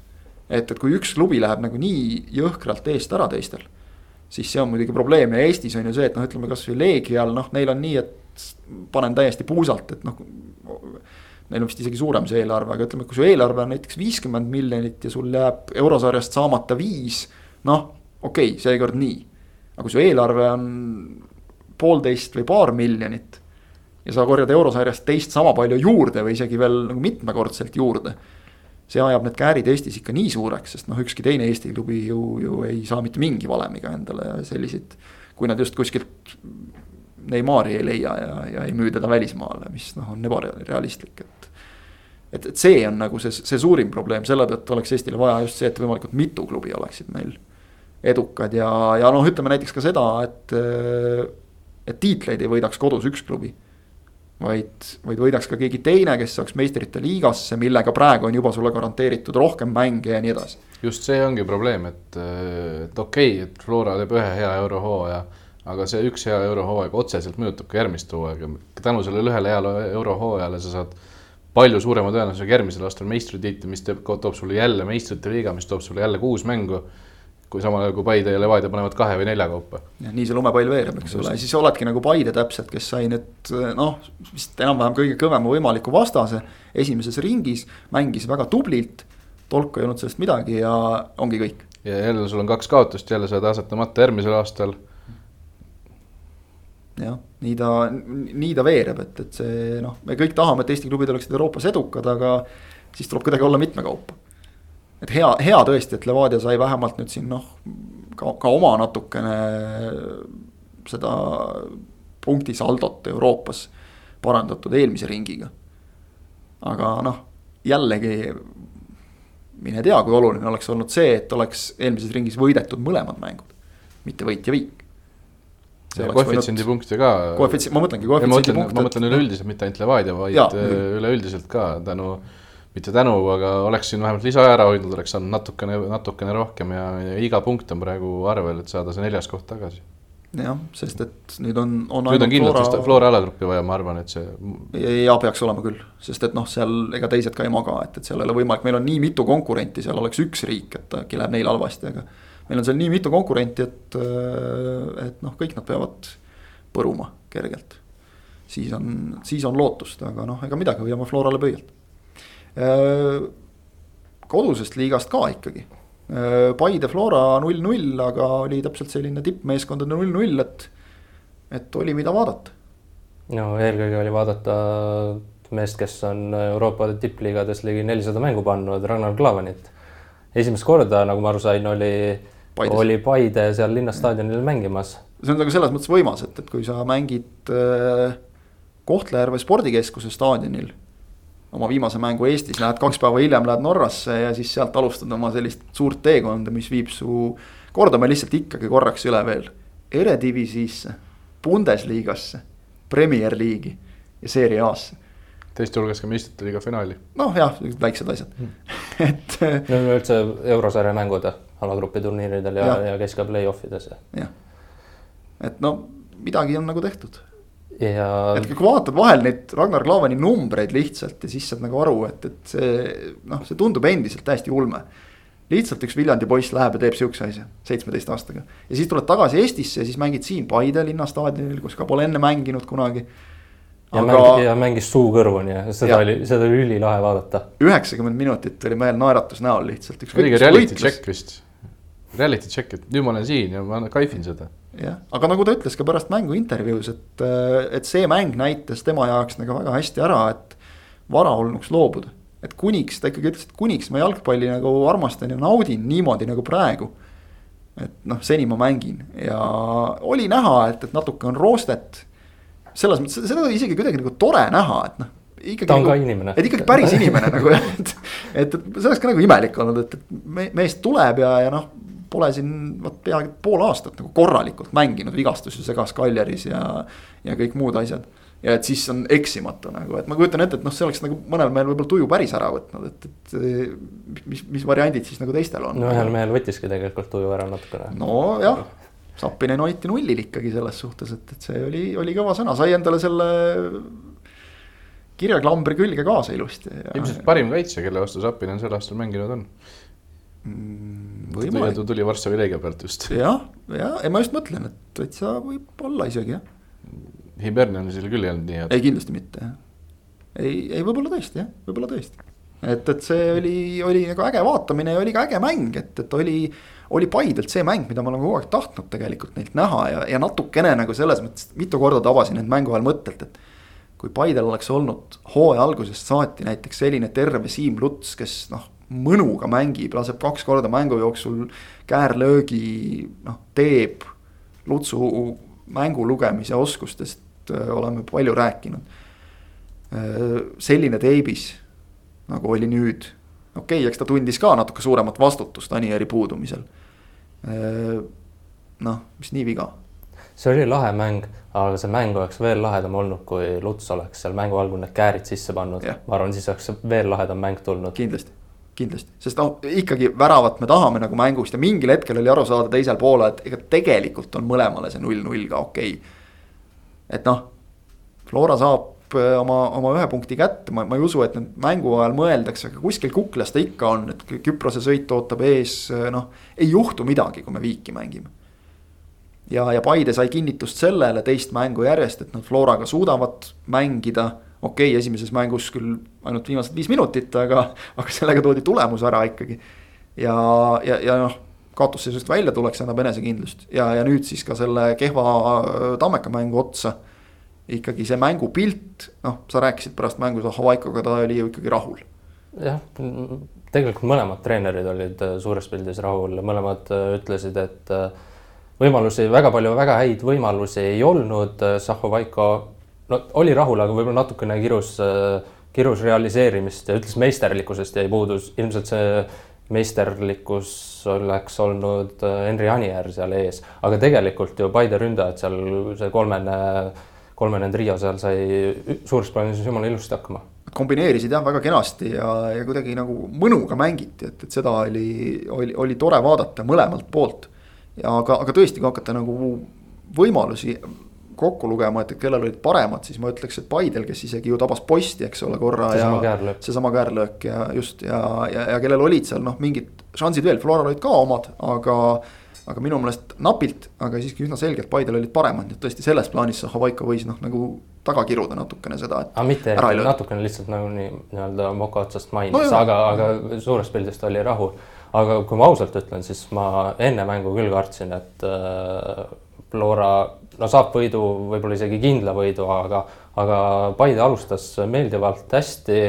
Neil kohe asjad hakkasid toimima, aga kui mängu kuidagi kokku võtta, siis tegelikult äh, käiski mäng ühele meeskonnale, teisele meeskonnale, kumbki meeskond otseselt initsiatiivi enda kätte ei saanud ja oligi selline lõbus, võrdne, huvitav kohtumine. jah, selline klassikaline, et, et kümme minutit nagu ühe initsiatiiv, kümme minutit teise ja, ja niimoodi see pendlina üles-alla käis, teistsugune mäng oli. oota oli..., aga räägiks äkki, mis me Poole stuudios mainisime. Christopher Pihti kollane kaart noh, seda võib ka mainida jah, et, et seal vähemalt nagu. see, see oleks ka mängu muutnud meile..., kui sealt oleks punane tulnud mis.... meile tundus ta jah, väga oranž või mitte, kui mitte punane, nii et, et, et see, see oleks jah. Muutnud asja kõvasti, eks Piht tegelikult teisel poolel flirtis seal ka teise kollasega natukene ja võeti siis ka välja noh, tema puhul tuleb arvestada seda, et natukene võtab aega ilmselt. mängupraktika on praegu tulnud ja. esi esiliigast. et noh, esiliigas on ta küll päris hästi tulnud see mm. mängupraktika, et kaks mängu, kaks kübarat, aga mõlemad kusjuures noh, sisuliselt ühe poolajaga. Aga jah, eks see meestemäng on natuke muu asi, aga, aga hea oli näha Pihti ja, ja tegelikult noh, Paide ju ise tõi nagu välja ka, kui. kui räägiti üleminekuaknast just, et noh, Klaavan ja Klaavan. aga et Piht tuli ka tagasi tegelikult, et see, see võib olla noh. võib-olla isegi sama oluline tegelikult kuigi kaitse tuleb pidama saada, aga, aga, aga Pihti lisandumine sinna, sinna rünnakule võib olla sama tähtis just sellepärast, et. võib-olla natuke liiga palju on see meeskond Anierile lootnud seni. Zahvo Vaikul on tegelikult päris palju äh, mänguruumi eesrünnakul, kuna on nii-öelda kaks äärt ja üks, üks selline tipuründaja. on Henri Anier, Christopher Piht, Teibis, Edgar Turr, Siim Luts seal on ikka vangerdamisruumi päris palju. ja et kui sul mehed terved on, siis võta ja vali, et, et kui siin äh, euromängu järel. Äh, või oli see euromängu eel, polegi tähtis, Marko Savitš ütles, et meil on äh, Eesti parim mängijate valik, siis hakkad nagu vaatama, et ma küll ei ütleks, et Flora või, või ka Paide nagu alla jääb kuskilt otsast, kaugeltki mitte. Paide puhul ongi põhiküsimus see, et kuidas mehed terved püsivad, et jah, vahe on praegu suur, kümmekond punkti. aga noh, mängida on ka veel jah, Paidel võib-olla kõige õhukesem on see keskväli. jah, noh, nii ja naa, ütleme, et kui seal oleks Sergei Mošnikov leiaks näiteks selle vormi, mis tal oli eelmisel aastal, siis, siis ei ole seal ka probleemi ju tegelikult. jah, ja samas veel Palumets on ka olemas, kes Flora vastu ei mänginud. jah, Palumets on olemas ja, ja ütleme, Möölile ikkagi vähemalt praegu tundub, et äh, Jussifi näol on, on asendus leitud, näis, näis kui kui, kui kaua see hoog praegu püsib, mille Jussif tundub, et on saanud nagu sellest positsiooni muutusest, aga, aga, aga praegu pole hullu ja sinna on alati võtta ka Sander Sinilaid, nii et. on, on kellega mängida küll. Levadia ja Transi mäng selles mõttes, selle võib lühidalt kokku võtta, et seal otsustati esimese poole keskel. mõnekümne minutiga ära, Levadia võitis, noh, kui sa seal kolm väravat lööd, siis tegelikult äh, enam-vähem nagu, nagu Transi kaitsja Martin Käos pärast mängu ütles, et, et Levadia kasutas oma võimalused väga hästi ära, sellepärast nad ongi liidrid. nii lihtne ongi. ja Robert Kirss, kaks väravat. ta hakkab juba Beglaršvili ja, ja seal. ei no mis hakkab, ta on seal kandadel juba. Beglaršvilist jääb kolme väravaga vist maha. neliteist, kolmteist, kaksteist, üksteist. ehk siis Beglaršvili, Anier Zappinen ja Kirss. et kõik räägivad noh, Beglaršvilist põhjusega kõik räägivad Anieri Zappinini duellist samuti põhjusega, aga Robert Kirsi on kõik nagu ära unustanud. ja tuletan meelde, et tegelikult ta oli ju hooaja alguses äh, Levadia teine ründaja Kristevski järel ehk et ja. ta. aga, aga tuli, võitles ennast koosseisu, lõi ja jäi sinna koosseisu. ostis Kristevskile lennupileti kaudselt koju. ma loodan, et ei pidanud ise maksma selle eest. ma tahaks ka loota jah et pigem sai võib-olla boonust väravate eest. ta tasus äh, klubile väravate eest jah, ja, ja noh. väravatega siis. väravatega ja, ja, ja noh, selles mõttes ka. Kristevski palgaraha hoiti kokku nüüd. kaks tähelepanekut Robert Kirsi kohta, et esimene on see, et ta on, ma arvan, umbes neli või viis korda olnud, kui me teeme Sokkernetis aasta kokkuvõtteid, siis ta on enim arenenud mängijate seas, siis ma praegu hakkan mõtlema, et see aasta vist peaks uuesti panema. kisub sinnapoole jah, sest et äh, Kirsi üksteist väravat muide tähendavad seda, et, et ta on küll olnud nagu stabiilselt väravalööja kogu aeg, tal on premium liigas natuke üle kahesaja mängu ja natuke üle viiekümne värava nüüd. viiskümmend kolm, kui mälu ei peta nüüd koos nende kahe, kahe eilsega, aga, aga ta ei ole mitte kordagi, noh, ta on nagu alati löönud väravaid, aga need on olnud alati alati sellised kuus-seitse. kuue-seitsme äh, värava hooajad. esimest korda on Kirsil nüüd kahekohaline arv kirjas ja meil on pool hooaega mängitud. et niimoodi minnes, see oli vist Albert Prosa, kes kunagi ütles, et Eestis, kui sa nagu ei löö väravaid äh, nii palju, et see algab numbriga kaks hooaja lõppedes. Et siis sa ikka nagu päris ründajaks ei saa ennast lugeda, siis ei ole hooaeg korda läinud väga noh, nagu eluterve suhtumine tegelikult nii ongi suhteliselt, eriti veel noh, mõned aastad tagasi, kui Prosa seda ütles, siis pidi nagu kindlasti lööma. nüüd on veidikene tal raske, tasus kolm lüüa igaks juhuks, kolmega. nojah, seal oli juba siis nagu kindlam, et alla selle ju nagu top scorer'i tiitlit väga ei saanud. aga, aga Kirss on ikkagi sinnapoole selgelt teel ja, ja, ja tekitab muidugi võib-olla natukene küsimusi. see on mu teine vist, teine. oleks-poleks, aga no räägi siis ise see teine. Et kui mees lööb kaks Kaljule, kaks Transile ja nende vahel on kaks euromängu, kus ta tuleb mõlemal pool pingil, siis pingilt ja Levadia langeb välja. siis võib-olla oleks pidanud ta mängima ka euromängus algkoosseisus. jah, takkajärgi tarkus on hea asi, aga jah, sellises vormis, sellises hoos mees öö, sai tegelikult kaks pluss üks isegi kirja Transi vastu, sest üks tema löök oli, mille Maksim Pavlov tõrjus enda ette üsnagi ja Frank Liivak oli jaol, aga, aga, aga selle pealt tegelikult ongi hea korraks võib põigata nagu ka nende Nende üleminekute ja asjade üle, et, et Trans on siin viimases liigamängus enne euromängu lõi ka Tammeka ära veel, nii et noh, on, on nagu hoos, aga, aga tõesti, Euroopast tuli vahetusest. kui ongi nüüd esimest korda kahekümne arv liigas kirjas ja siis vabalt võib ta uuesti enim arenenud mängijate sekka ju panna. Loomulikult, jah. aga, see on ainult ju meeldiv, kui äh, mängija iga hooaega areneb. muidugi, see on ju, on ju praegu, praegu ei ole näha, kus see Kirsi piir on, ta kogu aeg areneb. jah, siis on juba kolmkümmend ja siis on juba välisklubi ja kuid on kuues öö, Eesti mängus järjest vist olnud no.. see algas karikafinaalist ja pärast seda on viies liigamängus löönud alati no, värava. aga see on ju klassikaline enesekindel ründaja. Kui hakkab Äkki tulema, siis tuleb ja tuleb ja tuleb. ja siis võib isegi kohtunikuga koos tähistada, nagu Kirss eile veidike ülemeelikult tegi. Õnneks sattus sellise head nalja mõistva kohtuniku otsa, et seal võib-olla mõni teine oleks kurjaks saanud. seitse mängu järjest, no vot, midagi on üheksateist mai neli, neli-kaks, kui nad kaotasid Florale, see oli esimene. ja nüüd on siis pärast seda on igas mängus Eestis värava löönud, midagi on, kaasa arvatud karikafinaalis midagi seal on ja need ei ole olnud sellised, et eh, noh, täpselt, et löön ühes mängus tabeli tagumise otsa satsile kolm-neli tükki, vaid kogu aeg tuleb. et eh, see on, on tore, aga Transist rääkides, siis tõesti Trans eh, saatis veel ühe mehe minema, Daniel Maanas lahkus juba varem. keskkaitse Kristi Marku saadeti ka ära, noh, see on mõneti loogiline, kuna Leedukas Edgar Žarskis toodi ja, ja noh, Transi puhul, kui mainisin Pavlovit, siis tõesti Maksim Pavlov, sai uue esiväravahi Trans. jah, et noh, Transil on, on viimastel aastatel olnud see väravavahi positsioon just selline problemaatiline, kus on tulnud nagu otsida või ütleme siis on tahetud otsida, sest tegelikult neil oli ju pikalt Aleksei Matrossov kogu aeg olemas. pealinnast toodi kõigepealt Artur Kotenko, no vaieldamatult hea tõmme. Marko Meerits pole nagu üldse küsimust, hea tõmme aga siis sealt edasi on, on läinud veidikene untsu, Andreas Vaiklal hakkas vigastust segama ja nüüd siis äh, ikkagi selgelt esiväravahiks toodud äh, Richard Alland mängis äh, laupäeval Transi duubli eest, mis mängib, tuletame meelde, teises liigas. mängis üheksakümmend minutit, seal oli veel palju mehi, kes, kes mängisid ka, tõrjus penalti ära seejuures. no vot, kes mängisid ka selles mängus. Ja olid, olid kõik äh, esindusmeeskonna eest päev hiljem pingil. aga väravavahtidest oli pingil kahe tuhande neljanda aasta poiss ja kahe tuhande kolmanda aasta poiss mängis. Danil Dobrovolski on ta nimi, kui ma ei eksi, kes, kes oli pingil ja Maksim Pavlov mängis, noh, Pavlov muidugi alustas ju oma sünnipäevadebüüdil väga ilusti Viljandi tuleviku vastu üks-null võit, Transile nullimäng, super Äh, ega ta nüüd ka tegelikult Levadia vastu halb ei olnud, noh, see üks eksimus tuli, mida ma mainisin, aga noh, kui see noor väravavaht mujal õpib, kui tal on teine premium-liiga mäng, mingit kooliraha tuleb maksta. muidu oli täitsa tipp-topp poiss, et vot võib-olla Matrossoviga tehti nagu see viga, et teda aeg-ajalt lasti postide vahele, siis toodi ikkagi jälle keegi uus ja siis Matrossov kohe kukkus jälle pingile ja lõpuks Matrossov läks minema lihtsalt.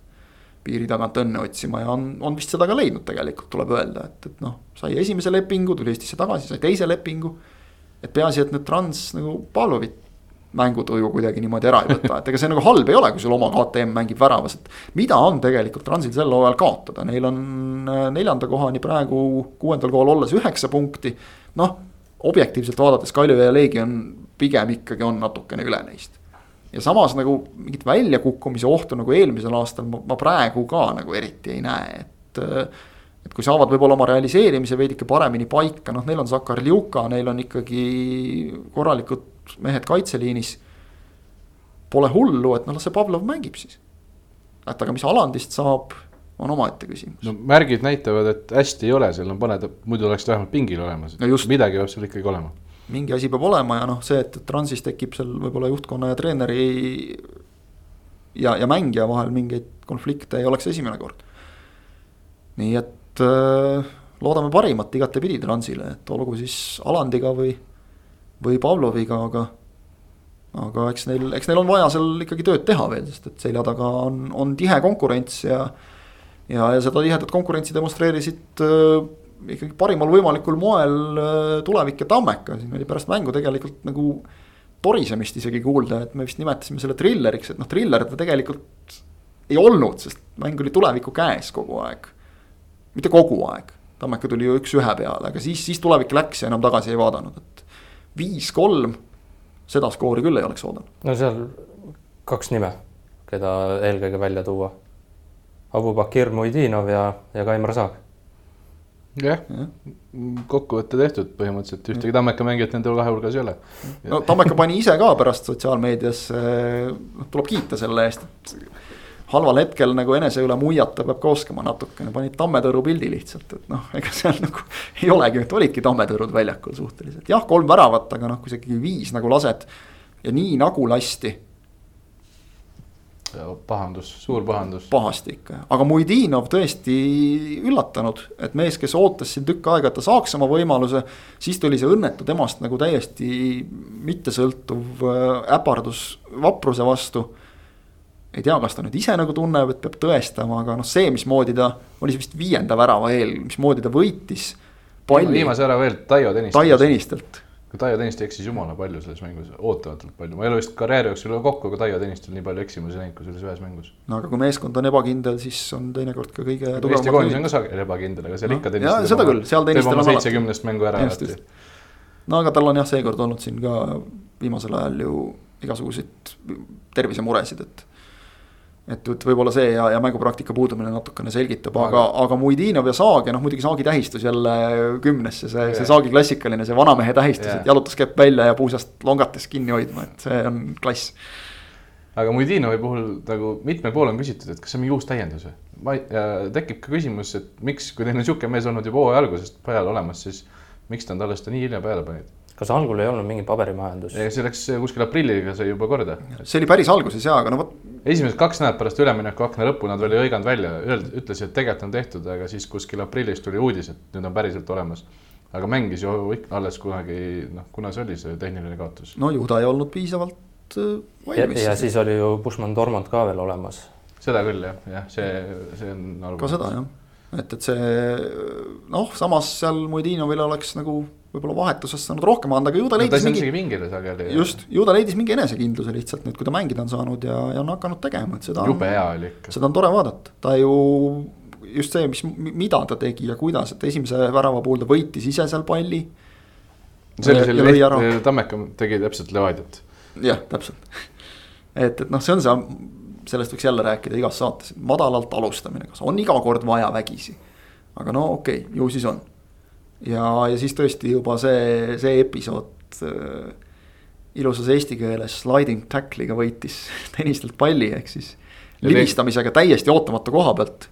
ja lasi supersöödu saagi pea peale ja saag lõi ära.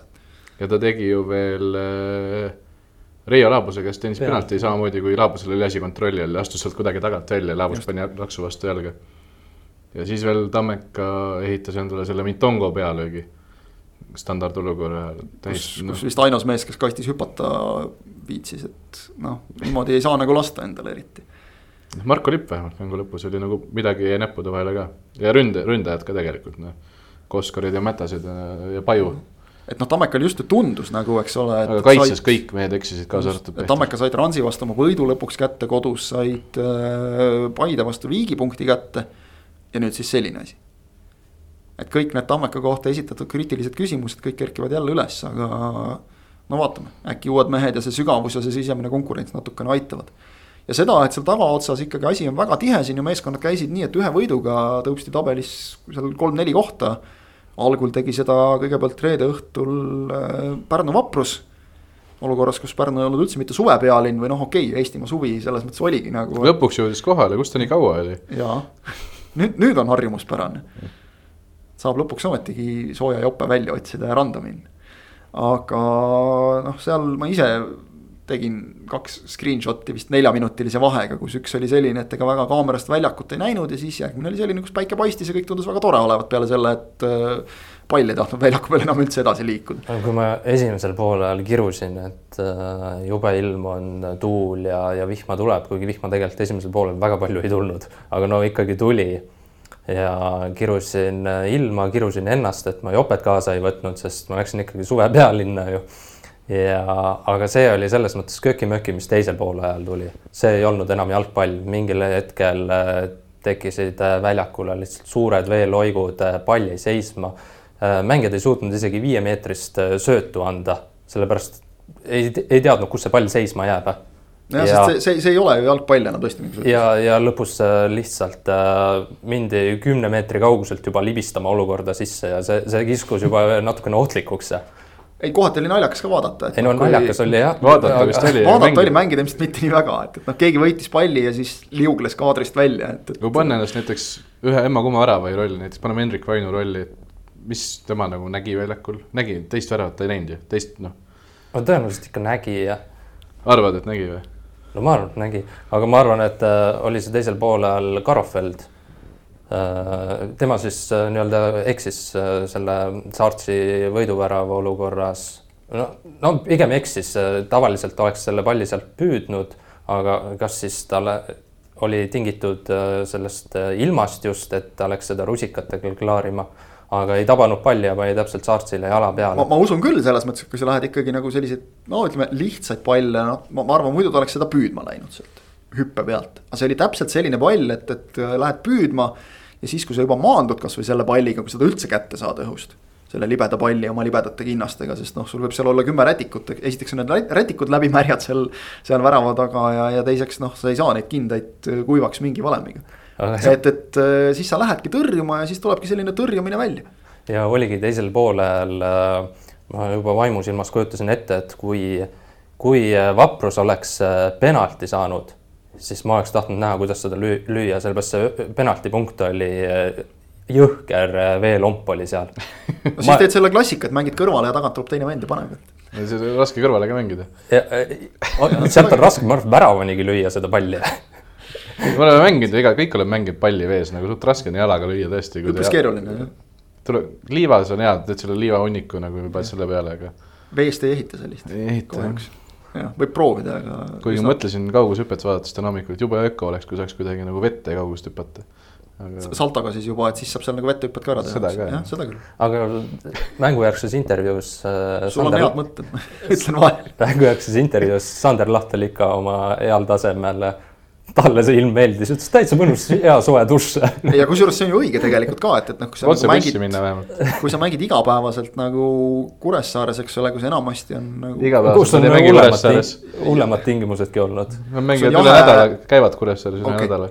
jahe meretuul ja, ja teevashüppematid lendavad, et noh, siis oli tõesti päris okei okay,, et, et ja, ja tõesti noh, Eestis, kus, kus sa pead mängima ka, et, et see on pluss kaks ja ja, ja külm vesi tuleb taevast et siis selle soojaga veega nagu võib ju täitsa, et, et saab hakkama küll, ei ole midagi, mõlemale, ärme unustame, mõlemale meeskonnale samasugune väljak ja, ja tingimused ja. ja vapruse ees selles mõttes müts maha, et, et noh, kui sa nagu vaatad, vaprus oli ainukene, kes siis selles üleminekuaknas üldse mitte midagi ei teinud absoluutselt ei, ei toonud kedagi, aga samas ka keegi ei läinud ära, nii et keegi ei lõpetanud jalgpalliga ega midagi sellist. et, et selles mõttes ma arvan, et nad võivad panna sellise noh, kolm plussi nagu sellele, sellele aknale küll hindeks ja mitte midagi ei juhtunud, aga mitte midagi ei teinud ja kolm pluss hindeks. no aga Ei noh, miks see- üldse see on ju- hinnata vaja on? tahad negatiivset hinnet või? ei noh okay., rahuldav siis või neli oleks hea. jah, et aga kui sa vaatad nagu nende koosseisu, siis tegelikult nende tulemused on ka ikkagi noh, tublid me, me kipume kõik nagu kipuvad seda vaprust jubedalt maha kandma, aga kui sa praegu vaatad, et jällegi sellised mängud, see on ju kuue punkti mäng tegelikult. Ja ma räägin, täiesti ideaalsel ajal tuli nende jaoks, veel ei olnud mööli ja, ja nii edasi, noh. või see vihm ka, ideaalsel ajal. jah, Ah, huvitav, kas see oli maailmas esimene mäng, kus äh, maailma ajaloos, kus võitja meeskonna mängija ei tahtnud kommentaari andma tulla sulle või? no ei, tahtis küll. Aga aga, aga kuna Kristjan Saarts ütles, et äh, ma ei tea, millest see tingitud oli ilmselt, et äh, kas ilm oli selline või, või, või olid lähedased tal äh, tribüünidel, tahtis nendega tähistada, aga, aga ütles jah, et teeksin jube ruttu selle intervjuu ära. no sa tegid ka. aga, aga ma hakkasin mängu ajal mõtlesin ko- korraks selle peale ja ka pärast mängu, et mis on need kriteeriumid, et mäng seisma panna, et see viimased kakskümmend minutit, kolmkümmend, see ei olnud enam jalgpall. no üldiselt vist ikka üritatakse ka nagu vähegi on võimalik nagu lõpuni mängida. Et noh, jah, see ei olnud jalgpall, aga, aga ta ei olnud nagu ütleme otseselt nagu ohtlik.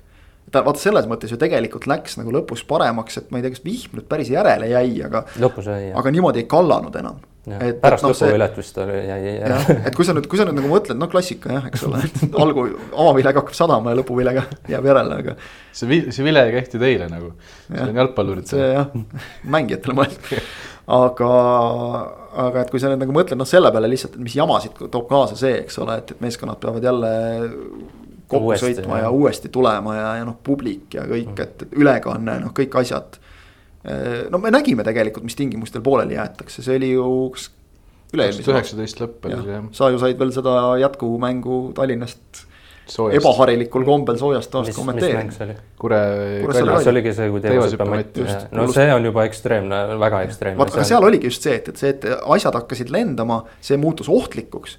väljak oleks tegelikult noh, väljaku poolest ilmselt oleks üritatud see mäng ka kuidagi lõpuni mängida, ehkki sealt on ka kauneid pilte, kus nagu vett lendab, vett lendab ja pall seisab. ja seal oli legendaarne tsender, kus, kus Kuressaare vend hakkas Kalju karistusala suunas tsenderdama ja pall end-, maandus enda karistusalas. ilma, ilma liialdamata nagu, ilma liialdamata külje out'i nagu, Kalju hakkas selle peale külje out'i mängima nende väljaku seal oli ju veel tuulefaktor ka, mida, mis, mis noh, nüüd Pärnus nagu nii hull ei olnud, eks ole, et aga just see, et kui läheb asi ohtlikuks mis iganes moel, aga noh, ütleme, et, et nagu märgväljak, noh, me oleme näinud ka, et on, on veel hullemate väljakute peal mängitud. et kui mäng on juba alanud, siis minu meelest on ikkagi nagu selge joon on see, et, noh, kui tõesti bussnuge ei hakka sadama taevast, siis. või teivaseb matt, et siis nui neljaks, et siis mängime ära selle mängu lihtsalt. ja kriitikat oli ju tänavu kevadel ka, kui see oli see lumelahing Leegion Levadia.. noh, et seal mängiti ka kõik no üks lumelahing oli veel, mul kuidagi on sattunud. sul on pahandus, jah? Need mängud Sul oli oli Narva vaprus lumelahing ja. poolt mängu ei saanud isegi telekast vaadata. pool ol- oleks hästi olnud. ma arvan, et ma sain kakskümmend minutit võib-olla vaadata või, kui jah, umbes äkki. sinul oli hästi, sa said kõike vaadata seal. ei nojah, väljaku kõrval sai, sai näha jah, aga seal oli nägemine ikka kordades hullem kui, kui nüüd Pärnus igatahes. Seal ei olnud sul ka jopet ju. ma, ma siiski ei, seal oli, oli. mis sul, mida sul ei olnud oli mütsi?, mütsi ei olnud jah, aga jope ja kindad olid olemas. ma siiski tahaks öelda siinkohal ka, et, et Kris, palun pane kõrva taha, et ei ole halba ilma, on halvasti valitud riietus. see kehtib juba teist korda sinu kohta. ja kui me halvast ilmast räägime, siis, siis Kalju Leegion noh, ka selles mõttes ma olin ise sellest staadionist mõned kilomeetrid eemal kodus. sina, Rasmus, tegid laivi sellest ja kirjutasid, et. Ma olin ka kodus. et, et on jah, aga, aga, aga sa kirjutasid mängust nagu, eks ole, et, et noh, algab paduvihmas. vaatasin teleka ekraani. mul oli ka kodus aknad, aga mul päike paistis, aga seal oli tõesti ma padukas. vaatasin teleka ekraani, et ja tõepoolest must sein on või, või lagi on me, meie toal, et, et staadioni kohal oli must pilv ja vaatasin aknast välja kodus, et sinine taevas. ilusad valged pilved, pole häda midagi, et noh, see on, see on nüüd Eestimaa suvi tõesti, aga. me elame ühel pool vist äh, nagu staadionist, et sellepärast meil oli Seal- väga ilus. jah, et seal, seal nagu ütleme jah, et äh, vist oli see Leegioni sotsiaalmeedia story enne, enne mängu algust, kus väga viisakalt mainiti, et ilmastikutingimused jätavad paremat soovid. aga, aga jällegi mõlemale meeskonnale sama ja, ja, ja ütleme klassikaline Leegioni mäng tundus selline sel aastal suurte vastu või noh, tippude vastu, et äh, tehakse nagu kõik õigesti, aga vastane lööb väravaid noh. läheb see eriti karm oli see nelikümmend viis pluss kaks. jah. see, see nagu tappis ära Mhm. ikkagi asja, et Artjuninil oli lõi out'i lihtsalt ja olemas ja, ja see andis oma karistusalas, andis Paurile palli ära ja Tamm muidugi mängis väga hästi ka. ja ta mängis väga hästi olukorra lõpuni, aga noh, seal oli veel see ka, et minu meelest tal see löök nagu kõige paremini ei õnnestunud, aga veeres täpselt tagumise no posti see ongi. ründajate oskus, ründajatel ei peagi löögid ilusti õnnestuma, need peavad kuidagi niimoodi minema sisse, et väravat ei jõuaks vahele. Need pahatihti, neil tuleb palju paremini välja, välja, koledaid lööke välja vaadake, kui. Alvar Morata on näiteks niimoodi mängides välja jõudnud, eks ole, päris kaugel. et äh, Timo Werner ei pea isegi väravaid lööma ja meistrite liiga võitja. ikka tuleb ja, ja, ja noh, esimene värav läheb ikkagi värava hingele üsna selgelt, et, et selle löögi, Pavel Marini löögi oleks pidanud ikkagi tõrjuma, et kas ta ei näinud hästi. või mängis Põrge seal ka ka jah, põrge ja, ja märgväljak rolli, mine võta kinni, aga. aga kui me eelmises, eelmine, eelmine kord rääkisime nagu sellest, et, et, et Levadia on see meeskond. kogu aeg kritiseerime neid, aga tulemust nad ju teevad, et noh praegu peaks vist Kalju kohta nii ütlema, et, et, et üleminekuaken, ütleme noh, neil läks ikkagi selles mõttes nagu kehvasti, et. et nad ei, peale, peale Maksim Kussjevi ei, ei toonud ju kedagi. Nato läks ära. Demidovi näol on noh, natukene ikkagi võistkonnas sügavust vähe, kas vist ka Kristjan Rattasepp on nüüd ajateenija, et, et noh, Kalju puhul, kus. Kus see pink ei ole nii hirmus pikk, iga mees on, on arvel ja, ja, ja ma- samas ma arvan, et nad said Maksim Ku- Kussjevi näol, nad said nagu paremini treenerile sobiva mängija kui, kui see, kes neil ära läks. ja seda kindlasti, aga. see on nagu ikkagi. aga vot konks on selles, et, et Kussjev on noh, üsna selge äär. ja see võib-olla on positsioon, kus oli nagu kõige vähem muret, et, et sul seal ääremängijad on äh,. jah, see Maarin- Maarin Paur või Maarin Paur- kolmikust, kui sa tahad kõik need sisse panna, siis üks neist peab olema. Kümne peal kuidagi siis. on Homutov. jah, seal on seal on Homutov, keda nagu väga Jah. välja ei jäta pigem. Uh, aga Homutovile ei ole asendust. just, et noh, seal Kussjev või Paur. ei no, no oleme ausad, Homutovi asendus pigem ütleme, on siis juba Subbotin. see, et, et kas Subbotin või siis äh, kasutad Volkovit ja Tamme niimoodi, et, et tood, paned emma-kumma tippu mm. -hmm. ja tood siis kas pika mehe ette ja, ja noh, eks nad hakkavad seal vahetama siis sellisel juhul tõenäoliselt. et see on nagu üks võimalus ja noh, Tamme on, eks ole, üritanud siin Frantsev ka ääre peale sokutada. proovida sättida, aga, aga, aga just nagu natuke see, et, et ääremängijat ei olnud tegelikult Kaljul niivõrd vaja minu meelest. ja eriti arvestades, et Maarinit sa ei jäta pingile ja Pauri sa ei saa panna pingile, sellepärast Just. et ta on KTM. jah, ja noh, Rattaseppa mainisin just selle tõttu, et Rattasepp on ka KTM ja, ja Demidov oli ka. oli ka Demidov KTM, et, et praegu ütleme ja niimoodi. Usta, kes on järgmine KTM on ka äär. just, et, et see, see nagu tekitab natukene seal, seal pro- probleeme, et noh, Tamm, kes on KTM, on, on noh, üsnagi kindlalt sees ja ütleme, ta on sellega mänguga nagu ausalt välja teeninud, seal ei ole küsimustki. Nagu ka Paur tegelikult, kes, kes siin vahepeal nagu kippus sealt valikust välja Pauril jääma. oli lihtsalt vigastus, et ta Seda vist natuke raske hooaja algus, aga Just. just. pärast seda, kui ta peale on saanud, on ta ikkagi nagu aina, aina paremaks läinud. seesama teine värav tuli ju, eks ole, sellest, et ta mängis olukorra seal Artjunini vastu lõpuni ja, ja, ja söötis palli Tammele, kes lõi ära, nii et. et noh, ikkagi ütleme jah, kõik, kõik Paur oleks, ma arvan, praegu algkoosseisus ka ilma oma KTM-i staatuseta. just selleni ma tahtsingi nagu jõuda, et, et ta on nagu mänguga ära teeninud täpselt nagu ka Tamm tegelikult, et. et, et see on, see on Kaljul hästi ja, ja noh, nagu Tamm pärast mängu ütles, et ta ei ole veel või nad ei ole veel medali mõtteid maha matnud ja noh, tegelikult nii peab mõtlema ka, kuigi nagu realistlikult vaatad, et pigem seal. pigem seal on Leegioniga kangutamist, aga, aga, aga ülioluline võit äh, Kaljule ja väga valus kaotus Leegionile just selle neljanda koha püüdmise plaanis et muidugi vahed on veel piisavalt väikesed, et seal asju tasa teha, aga. aga Leegion oleks läinud ju Kaljust mööda võidu korral. Ma arvan, et Kalju hammustab veel esikolmikut äh, mingis mängus. no seni seni väga ei ole, aga ütleme nii, et, et need esitused on andnud lootust, et seda võib juhtuda jah, just. Premium-liigast nii palju, aga, aga meil natukene toimetavad ka Eesti koondislased välismaal, keda nagu me siin mingis saates jõudsime järeldusele, et väga palju enam polegi alles jäänud, aga noh, Erik Sorga sai tagasi esindusmeeskonda. nagu tegelikult käis platsil, võis ka ennustada, käis platsil, nii et on, on jällegi nagu valikus sees kenasti.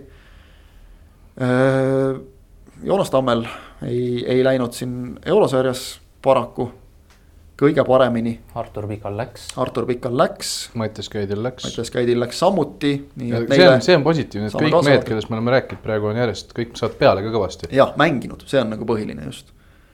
ja kes kus mängib, suur küsimärk on või kus siis mängib, on, on Karol Mets, kes läks küll Aleti Faki ridadesse kolmeks aastaks, aga, aga tuleb välja, et kolmest aastast jäi alles üks. ehk siis klubi ütles aitäh talle eile, aga, aga ütleme nii, et, et jälgides nagu erinevaid äh, taustajutte, siis, siis tundub, et midagi on susisemas või äkki suisa paigas juba varem, ehk metsa tugevalt seostatakse tagasi äh, Rootsi minekuga, mis, mis oleks muidugi ka üsna nagu loogiline, et. et Rootsis teda teatakse on see siis AIK tema endine klubi või on see mõni muu klubi, Göteborgi Jahkost on siin juttu olnud. saab näha, aga, aga noh, jällegi metsa jaoks oluline just see, et, et. et kindlasti see Saudi Araabia oli omamoodi käik ja kogemus. ja, ja ta ju seda on kirjeldanud ka, et see on ikka täiesti teine elu, teine maailm. aga no ta mängis seal see oli tähtis ja kui ta nüüd tuli koondisesse siin kevadsuvel, siis, siis tegelikult see, see oli, see oli hea mets, keda me nägime. mõnusalt tasakaalukas mets, ehk et noh, tõesti loodame, et ta saab klubi, kus ta on põhimees, mängib ja, ja on koondise jaoks ka seesama mets edasi.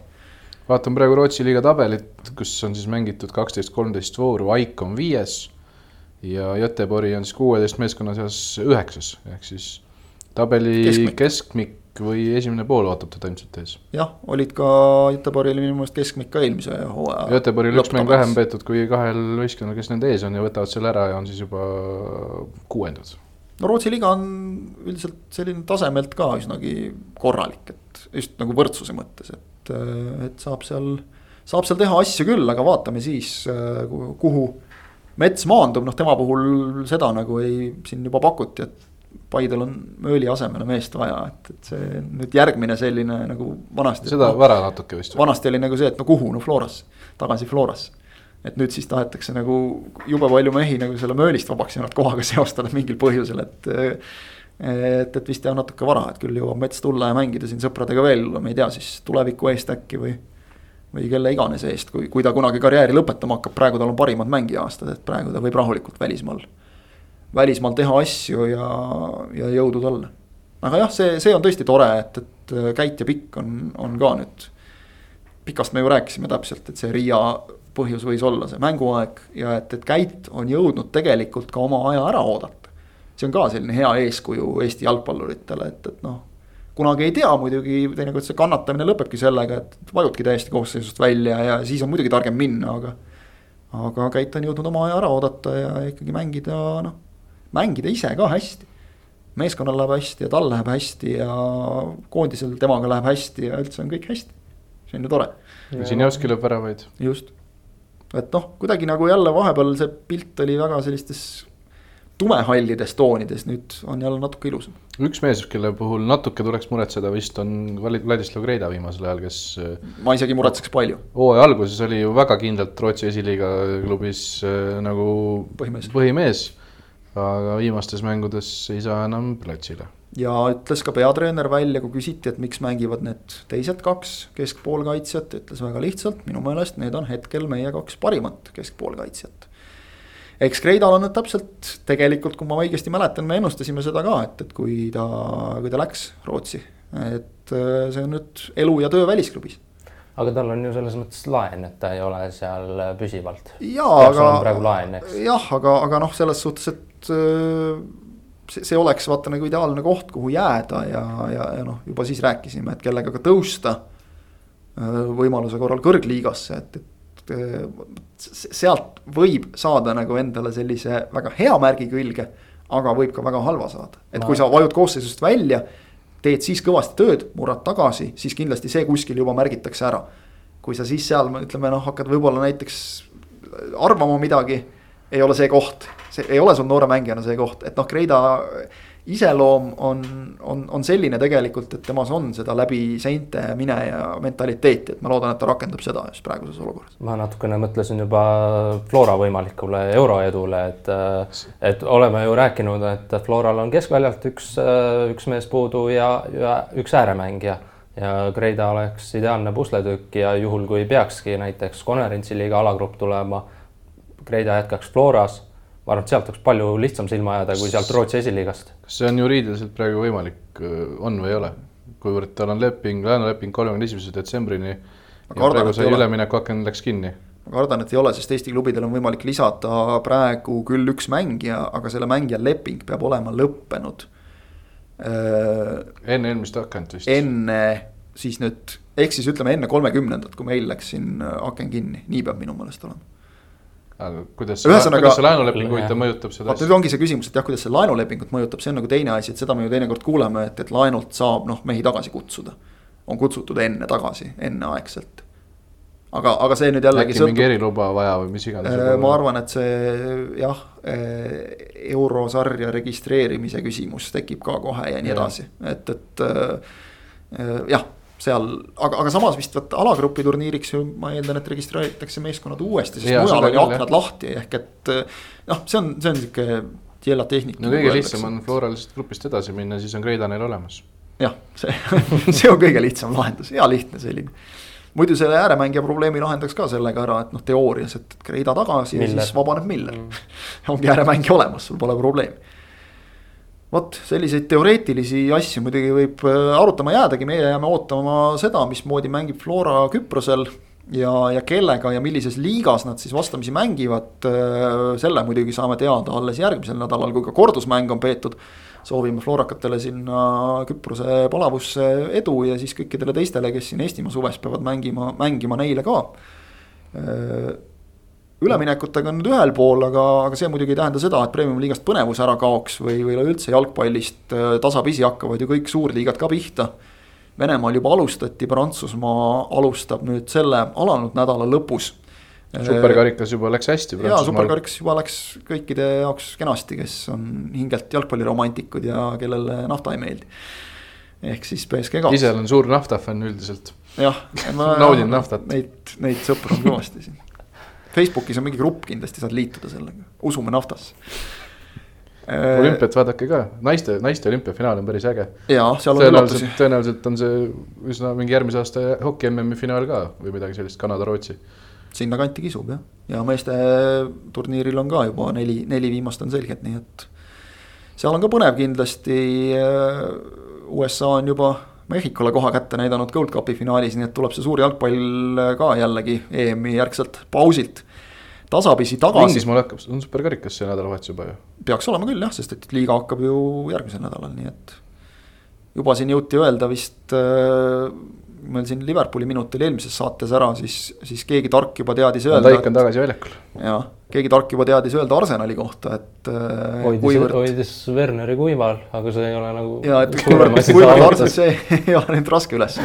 aga et kuivõrd Arsenal siin ühe sõprusmängu nüüd äh, äh Chelsea'le kaotas üks-kaks, et siis juba targad teadsid kuulutada, et, et noh, kus on see Arteta lubatud revolutsioon. ei ole kuskil, tuleb jälle hull hooaeg tuleb jah. see ärge muretsege, te saate Ben White'i endale. see, see tõmblemine on ikka ausalt öeldes natuke naljakas nagu, et kuidas ühe hooajalise sõprusmängu pealt tehakse hirmsaid järeldusi. ja ma lugesin, ma ei näinud mängu, ma lugesin Twitteris, et Van Dijk oli jube sitt, et see pole enam seesama Van Dijk, kes enne vigastust. seal kukkus pikali mingis olukorras ja lasi värava lüüa, et, et noh, ega seal jah, see no, hooaeg on. Pole aasta aega jalkat mänginud, see ei ole enam seesama Van Dijk. see hooaeg on untsus, Liverpool ei võida mitte midagi ja Van Dijk ei, ei tee mitte midagi. tema aeg on ümber jah, tema aeg on möödas, Ben White on ette läbi kukkunud valik juba Arsenalil, Jadon Sancho ei löö Manchester Unitedi eest ühtegi väravat. see mulle meeldiks. Äh, aga ma Liverpoolist rääkisin ka fakte enne ainult tegelikult. aga ma aga... ühe fakti räägin veel üle tõe huvides, et äh, Arsenal küll kaotas üks-kaks, aga kohtunikud tegid äh, liiga, sest ja, ei, oli vist Joe Willock, kes